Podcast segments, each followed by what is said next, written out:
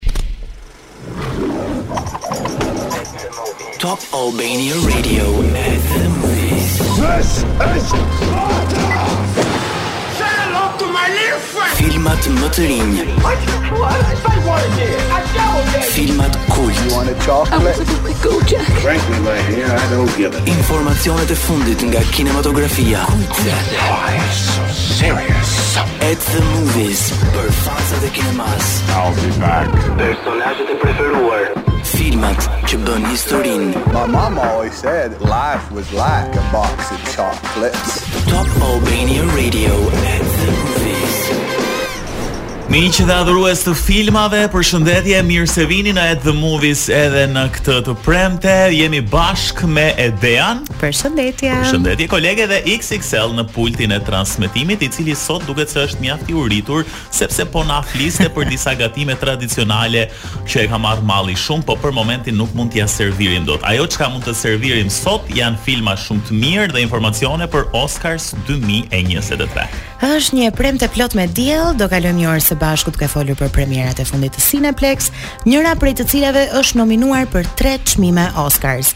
Jo më kot i përmenda këto vlerësime, për të gjithë filmdashësit dhe fansat e kinematografisë, ndarja e çmimeve Oscars do të mbahet në Los Angeles me 24 mars dhe lista e plotë e nominimeve është bërë publike në fillim të javës. Po për këtë do flasim gjerësisht pas pak. Çmimet e Akademisë, që publiku ndryshe i njeh si Oscars, gjithashtu vlerësojnë kolonat zanore më të bukura, njërën prej së cilave unë dua t'jau servis tani. Tani, ndërkohë do të kemi edhe gjatë gjithë programit në fakt kolonat zanore të nominuara për Oscar, këngë shumë të bukura, i kemi dëgjuar mbase edhe herë të tjera gjatë programit, por duke qenë se sot do flasim për çmimet e akademisë, padyshim që duhet t'i rikthejmë edhe një herë. Kështu që përveç uh, këngëve të mira do të flasim uh, siç thamë në pjesën e dytë për Oscar, por edhe për dy premiera që vijnë në Cineplex pas pak. Rikthehemi në program tani për të folur për premierën e radhës në Cineplex. Është një film mjaft i vlerësuar, nuk po ju zbulojmë shumë, por ju themi vetëm një emër, është Brendan Fraser. Ndjekim trailerin tani. Nominuar për 3 çmime Oscar. You're an amazing person, Ellie.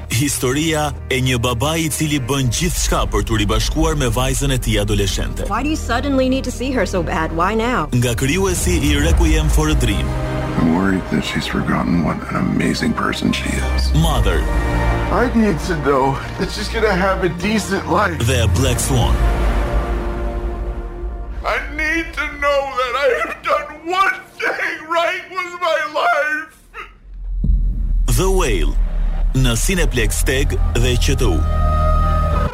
Balena, balena është në shqip e vërtetë. Ëh, uh, ndërsa vetëm nga traileri kuptuam se sa dramatik është ky film. Mm. Vetëm klithma kishte aty. Është një mësues i gjuhës angleze, ashtu siç e dëgjuat, i cili jeton i izoluar dhe përpiqet të rilidhet me vajzën e tij të larguar, a do t'ia dalë babai të fitojë betejën me veten si dhe të rregullojë marrëdhënien me të bijën. Një dramë që nuk duhet humbur. Trajton problematika reale familjare, duke i sjellë shumë pranë shikuesit The Whale apo Balena. Unë isha shumë e intriguar për shkak se regjia është e Darren Aronofsky, mm -hmm. e dëgjuam pak nga traileri që shumë prej nesh faktikisht e njohin nga kryevepra si Requiem for a Dream, Black Swan, Mother, Jackie, The Good Nurse. Premiera The Whale faktikisht rikthen në, në ekran aktorin e dashur Brendan Fraser, si dhe yllin e Stranger Things, të cilën ne e kemi përmendur shpesh herë këtu, Sadie Sink. Po. Përveç vlerësimit pozitiv nga kritikët, The Whale ka arritur të shndërrojë një buxhet prej tre milionë dollarësh në një fitim prej dymbëdhjetë pikë tre milionë dollarësh. Aq më tepër që mori dhe tre nominime për Oscar, një shndërrim total i Brendan Fraser nga ana fizike ka shtuar. A ka shtuar peshë apo është e gjitha një fat suit, pra i ka ndërtuar një kostum që të duket i mbushur. Ka shtuar në peshë, ka shtuar në peshë sepse edhe në disa festivale ku ai mori pjesë u shfaq tërësisht i shndërruar. Kështu që absolutisht kjo është një gjë që duhet vlerësuar tek një aktor ku ka një ndryshim kaq dramatik në fizikun e tij. The Whale nuk është premiera e vetme në Cineplex, sepse kemi thënë që në Cineplex bëhen shumë gjëra interesante. Atje bëhen edhe propozime për martesë ndonjëherë. Ndonjëherë uh, kemi edhe koncerte të këngëtarëve ndërkombëtarë, të cilat në kinema shijohen shumë. I radhës është i Billie Eilish, kështu që ndjekim pak trailerin. Cineplex ju fton të ndiqni performancën marramendëse të popstarit Billie Eilish. Filmimet reale nga The O2 London do ju bëjnë të ndiheni sikur jeni në skenë. Gjashtë këngë ekskluzive të padëgjuara më parë, vetëm për një natë. We're professionally filming this entire show. It's the only time we've done that. There's like a billion cameras in here. Datë 27 janar. Billie Eilish Live at the O2 në Cineplex TEG dhe QTU. Për herë të parë në gjithë karrierën e saj, Billie Eilish publikon një udhëtim vizual të performancës së saj të mrekullueshme live në kinema në mbarë botën. Vetëm këtë të premte, pra më 27 janar, është një one night only experience Do keni mundësinë të përjetoni koncertin e filmuar në The O2 në Londër, Happier Than Ever nga Billie Eilish. Është një këngë që kur doli në fakt e kemi dëgjuar vazhdimisht kudo në makina, në radio e kemi luajtur pafund e kemi imagjinuar dhe sikur e këndojmë në dush, po s'po i themi të gjitha sikur jemi live para një audience gjigande. Kështu që e sjellim tani Happier Than Ever. Rikthehemi në At the Movies me mua Edrean dhe kolegun tim Edin. Ju po dëgjonit Billie Eilish Happier Than Ever, një këngë ikonike. Por pak më parë ju thamë se do kishim një moment të veçantë dhe ka ardhur momenti të zbulojmë mhm të nominuarit e çmimeve Oscar. Okej. Everything Everywhere All at Once Është një aventurë fantastiko-shkencore, e cila ka marrë stafetën si filmi me më shumë nominime Oscar, pikërisht 11 nominime. Mendoj se mund ta themi me plot gojën se ky film mund të quhet Oscar bait ose karrem Oscari, sepse nga është krijuar posaçërisht për t'u vlerësuar nga kritikët parimisht dhe më pas nga publiku i gjerë. Për të gjithë ju që besoni në multiverse dhe ekzistencën e shumë realiteteve dhe universeve, Everything Everywhere All at Once është filmi i duhur për ju. Dhe më i përfolur i momentit, sigurisht, keni edhe All Quiet on the Western Front, vlerësuar me nëntë nominime për Oscar, pasi u bë një sensacion në Netflix. Filmi na fton në një udhëtim real gjatë Luftës së Parë Botërore, Ku arrim të shohim se si të rinjtë të cilët iu bashkuan luftës nga dëshira për të mbrojtur atdheun shndrohen në burra të cilat bëjnë të cilët bëjnë çdo gjë për të mbijetuar gjatë asaj lufte të tmerrshme ndonjëherë duke u kthyer edhe me probleme shumë të rënda psikologjike dhe jo vetëm. Një film epik i cili rikthen të shkuarën në të tashmen Dhe nuk duhet lënë pa u parë në fakt, por edhe The Banshees of Inisherin, një komedi e errët e cila ndjek rrjedhën e një shoqërie gjatë luftës civile në Irlandë, po ashtu ka marrë nëntë nominime për Oscars. Nuk mund të lëmë edhe pa përmendur garën mes dy filmave më fitimprurës të film të vitit, po flasim pikërisht për Avatar The Way of Water po. dhe Top Gun Maverick bashkë me Elvis, filmin gjysëm autobiografik, The Fabelmans, për të cilin folëm edhe javën e kaluar. Si dhe Tar, ku aktrimi i Cate Blanchett, le të themi, ka lënë pa fjalë audiencat anembanë, është bërë trend në TikTok. Këto janë faktikisht po jua zbulojmë kështu dal nga dal, janë dhe ndër filmat të nominuar për filmin më të mirë të vitit. Po, gjithashtu Women Talking, një vështrim mbi banoret e një komuniteti fetar ose edhe Triangle of Sadness me ngjarjet që zhvillohen në një mega yacht janë ndër filmat pretendentë. Të tjerë nuk do të kenë shumë për të festuar. Ëm, disa nga performancat që i prisnim të ishin shumë të mira, si ajo e Viola Davis në The Woman King, Brad Pitt në Babylon apo Danielle Deadwyler në Till, nuk ia dolën për të qenë pretendentë. Përveç uh, Fraser, gara e aktorit më të mirë përfshin Austin Butler tek Elvis, Colin Farrell tek The Banshees of Inisherin, Bill Nighy në Living dhe Paul Mescal në Aftersun. Të pesë aktorët është interesante sepse janë nominuar për herë të parë për Oscar. Gjithsesi ne pas pak do ta kemi uh, edhe listën e plotë, po themi të nominimeve në kategoritë kryesore sepse janë shumë në fakt dhe do na duhet shumë kohë për t'u marrë me to, por ne kemi përzgjedhur kategoritë më kryesore dhe sigurisht pretendentët që janë për këtë Kategori, shpresojmë që ceremonia e çmimeve Oscar e kësaj radhe të mos ketë shumë uh, surpriza. Drama do të thoje. Drama, mbaj mend atë që ndodhi me Will Smith, uh, nuk e di nëse uh, ti u beson teorive konspirative që ajo gjë ishte e sajuar, dua të të pyes, Zakonisht Oscars është një ndarje çmimesh ku të gjithë mundohen të tregojnë pjesën e tyre të klasit, seriozitetit dhe nuk i dalin jashtë këtyre parametrave, kështu që unë nuk jam nga ata njerëzit që mendon që ishte e gjitha e inskenuar. Mm -hmm. Mendoj që ne jemi njerëz dhe sado që ata atje shkojnë për atë pjesën e tyre profesionale dhe për të demonstruar pjesën e profesionit të tyre, ka momente ku ne kthehemi në njerëz dhe Në njerëz jo aq të mirë, le ta themi kështu. Në njerëz që gabojnë. Duke qenë se jemi edhe në një atmosferë Big Brotheri, tashmë ah. çdo gjë që na rrethon në këtë jetë na duket sikur është një lojë, një sfidë, një sfidë.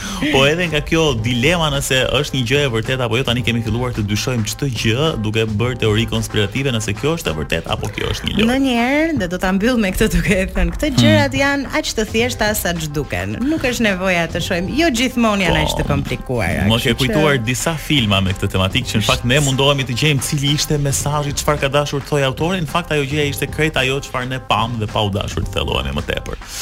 Mirë, gjithsesi me këto gjysmë teori konspirative Ne mbyllim këtë pjesë të parë të programit për t'u rikthyer sërish pas pak për të folur uh, për kategoritë kryesore uh, të nominimeve të Oscars, si dhe do të zbulojmë edhe disa detaje interesante se çfarë presim nga ceremonia e këtij viti. Shkojmë tani me kategoritë kryesore të nominimeve për Oscar dhe ndalemi direkt tek filmi më i mirë. Pretendentë për këtë çmim janë All Quiet on the Western Front, Avatar, The Way of Water, The Banshees of Inisherin, Elvis, Everything Everywhere All at Once, The Fabelmans, Tar edhe Top Gun, po ashtu Triangle of Sadness dhe Women Talking janë shumë filma në fakt që janë pretendent për Best Picture apo filmin më të mirë dhe do të japim edhe nga një parashikim unë dhe Edea për qefin tonë se kush mendojmë mhm. ose kë kemi qef që mm, ta shpallim si filmin më të mirë. Pavarësisht nominimeve, në fakt mua më pëlqen ose do doja shumë që The Fabelmans ta merrte këtë çmim. Megjithatë, kjo është thjesht një dëshirë e imja. Për mua nga shijet personale ndoshta do thoja Elvis, më ka mhm. pëlqyer shumë si film. Mbetet ende për t'u parë Everything Everywhere All at Once, duke e ditur që un jam një fanse e sci-fi ose fantashkencës, por të them të drejtën jam pak e zhgënjyer kisha ndoshta një pritshmëri për Avatarin, e kam parë, nuk ishte le të themi gjithçka që un prisja. Ah, okej. Okay. Kalojmë tani tek regjisori. Regjisori më i mirë është uh, të nominuarit janë Martin McDonagh për The Banshees of Inisherin, Daniel Kwan dhe Daniel Scheinert për Everything Everywhere All at Once, of course, normalisht Steven Spielberg për The Fabelmans, Todd Field për Tar dhe Ruben Ostlund për Triangle of Sadness. Mhm. Mm Dua uh, parashikimin tënd. Parashikimi im është pavarësisht se zgjodha The Fabelmans për filmin më të mirë, ndërsa për regjinë uh, Martin McDonagh më ka pëlqyer shumë uh, tek The Banshees of Inisherin. Uh, dhe kam parë shumë edhe në rrjetet sociale, por edhe në kritikat që kam lexuar në revistat më të njohura që ka bërë një punë shumë të mirë sidomos me The Banshees of Inisherin. Kështu që un jam për Martin McDonagh. Un jam për Steven Spielberg, por prapë jam e mërzitur që Darren Aronofsky nuk është pjesë e këtyre po, nominimeve. Nuk është, nuk është. Mirë, lëmë regjisorin më të mirë dhe shkojmë te kategoria aktori më i mirë kryesor. Është Austin Butler tek Elvis, Colin Farrell tek The Banshees of Inisherin, Brendan Fraser The Whale, Paul Mescal tek Aftersun dhe Bill Nighy tek Living. Unë shkoj direkt për Brendan Fraser. Këtu jemi bashkë. Jemi bashkë se e kemi shumë qejf si aktor. Unë në fakt kur e kam parë për herë të parë tek Mumia.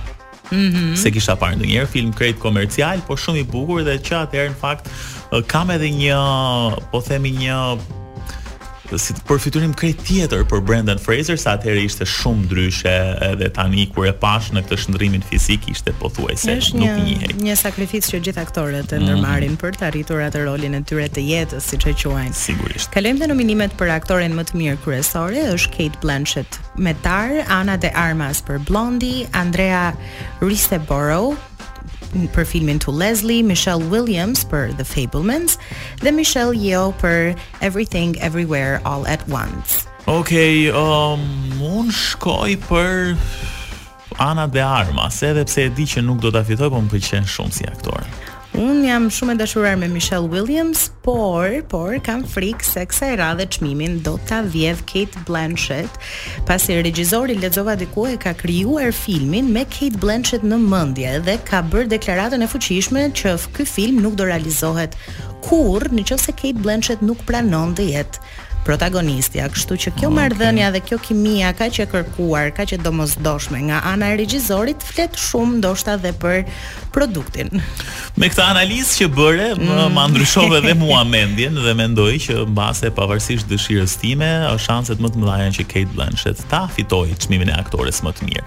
Ok, ndalemi tani tek një këngë, për nominimet ne e mbyllëm si kapitull, por do flasim pas pak për ceremoninë, për detajet që do të jenë, ë dhe çfarë kemi marrë vesh deri më tani për prezantimin, ku do të mbahet dhe ndonjë detaj tjetër interesant. Është Lady Gaga me Hold My Hand. Rikthehemi në The Movies me mua Dejan dhe kolegun tim Edin. Pak më parë po ju flisnim për ceremoninë e ndarjes së çmimeve Oscar, e cila do zhvillohet më 12 mars në vendin e saj të zakonshëm të Teatrit Dolby në Hollywood. Këtë vit do drejtohet nga Jimmy Kimmel, i cili rikthehet për herë të tretë. Siç është bërë zakon, pritet që performanca të vijnë nga të nominuarit për këngën më të mirë origjinale. Kujtojmë që ceremonia e 2022-shit mhm. kishte edhe Beyoncén dhe Billie Eilish. Nëse është kështu, viti dy mijë e njëzet e tre mund të shohë të nominuara Rihanën me Lift Me Up nga Black Panther Wakanda Forever dhe Lady Gaga me Hold My Hand nga Top Gun Maverick të dalin në skenë. Lady Gagan e kemi parë deri diku që është ende aktive në ture dhe në koncerte, Por për Rihanën ky do jetë një rikthim i shumëpritur, i kërkuar me me me, me nuk e di me një devotshmëri nga fansat e saj, të cilët janë zhgënjyer pak që në momentin dhe periudhën që ajo u fut në botën e make-upit, u bë një mogule. Po, Vetëm tek Fenty e kemi parë dhe në muzikë ende nuk ka bërë ndonjë paraqitje, po themi dinjitoze ose uh, të madhe që mund të kënaqë publikun. Duke përmbysur një vendim që shkaktoi polemika në ngjarjen e vitit dy mijë e njëzet e dy, ku tetë kategori u shkëputën nga transmetimi kryesor, Bill Kramer, CEO i Akademisë, thotë se të gjitha njëzet e tre kategori do transmetohen në televizion. Kjo ndodhi në fakt vitin e kaluar, në mos gaboj edhe për shkak të pandemisë që u bë një reduktim edhe i mhm. pjesëmarrësve dhe i shfaqjeve në mënyrë që ceremonia të mos zgjaste shumë. Ai tha se ne jemi të përkushtuar të kemi një shfaqje që feston artizanët, artet dhe shkencat, natyrën bashkëpunuese të krijimit të filmave, kështu që duket se do të rikthehet në normalitet të plotë Oscar në këtë 2023. Folëm pak më parë për ngjarjen e Will Smith dhe Chris Rock. Dhe për këtë të fundit, rikthimi në Oscars 2023 nuk ishte një opsion. Ai tha se iu kërkua të merrte pjesë në eventin e këtij viti, por e refuzoi mundësinë. Megjithatë, tha se nëse unë do të rikthehesha në ceremoninë e Oscars 2023, do të ishte pak a shumë si rikthimi në skenën e një krimi, kështu e ka quajtur. Ë, gjithashtu tha se iu ofrua edhe një reklamë në Super Bowl pas shuplakës së Will Smith, por e ka refuzuar edhe atë Në fakt ende nuk e dimë realisht se si janë marrëdhëniet mes të dyve. Mm -hmm. Pavarësisht se ka patur një kërkim ndjese nga ana e Will Smith disa herë, jo vetëm një herë, um, Chris Rock gjithmonë është munduar ta kalojë me shaka dhe duke mos e marrë shumë seriozisht, gjithmonë e ka thumbuar Will Smith, kështu që kam përshtypjen që marrëdhënia e tyre vijon ende të jetë um, jo shumë e sinqertë dhe jo shumë uh, reale. Më vjen keq që është ajo viktima gjithmonë në thonjza po themi që tani nuk po paraqitet më, nuk del ka atë damkën e vendosur, sepse duhet të ishte le të themi e kundërta, duhet të ishte Will Smith ai që do ishte tërhequr dhe duhet të kishte kërkuar një falje mm, shumë të madhe mm, publike, por nuk e di nëse shoh një lloj viktimizimi këtu, nuk nuk di nëse do ta quaja të tillë. Megjithatë kam përshtypjen që më mirë do ishte sikur këto të sheshoheshin edhe po themi të ecte gjithçka mbarë edhe për Will Smith i cili është penalizuar gjithashtu në disa prej filmave të tij të fundit edhe i ka ngelur tamam si një damkë mm. ajo shpulla mm. ndaj Chris Rockut. Mirë, lëmë Oscars tani, uh, sigurisht do të kemi kohë të flasim kur të afrohet ceremonia dhe për shumë detaje të tjera. Kemi fituesin e kuicit. Fituesi i kuicit është Dituri Dalipi. Okej, okay, që ka gjetur. Të vit, ka gjetur ne kemi vendosur kësaj radhe të kthehemi pak në atë traditën tonë shqiptare. Mm -hmm. Ne zakonisht hedhim një video në Instagram ku ju nuk e dëgjoni se çfarë fjali është koputur nga filmi dhe duhet ta gjeni. Dhe unë posaçërisht zgjodha kush ma lëpiu gjalpin nga Mimoza Llastica okay. dhe Dituria e gjeti, kështu që Dituri mund të vish tek Arena të tërheqësh biletat e tua për Cineplex dhe të zgjedhësh filmin e dëshirës. Okej, okay, kemi mbërritur në fund të At the Movies edhe për këtë të premte që ia kushtuam përgjithësisht Oscars, duke qenë se edhe premiera e Cineplex lidhej me këtë gjë, do të keni sigurisht edhe koncertin e Billie Eilish, ndërsa ne do të jemi sërish të premten e ardhshme. Deri atëherë faleminderit shumë që na dëgjuat edhe që na i kushtuat uh, këto minuta kohë për t'u informuar rreth filmave dhe rreth Oscarëve. Bashkë do të jemi sërish të premten e ardhshme. Kalofshi bukur. Mjaft e bukur.